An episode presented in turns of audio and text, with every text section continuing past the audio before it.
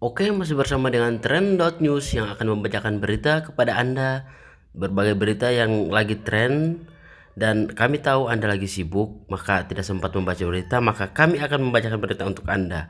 Kali ini berita dari luar negeri.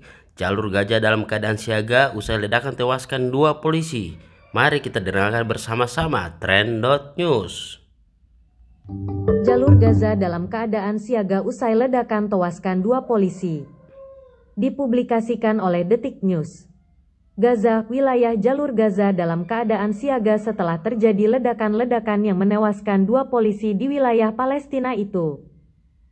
Kementerian Dalam Negeri di Gaza yang dikuasai Hamas tersebut menyatakan seperti dilansir kantor berita AFP Rabu, tanggal 28 Agustus tahun 2019, kedua polisi itu tewas dalam dua ledakan yang menargetkan pos pemeriksaan polisi pada Selasa, 27 per 8 malam waktu setempat.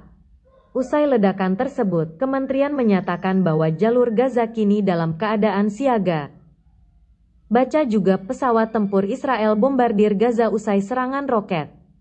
Otoritas di Gaza tidak menyebutkan lebih detail mengenai ledakan tersebut.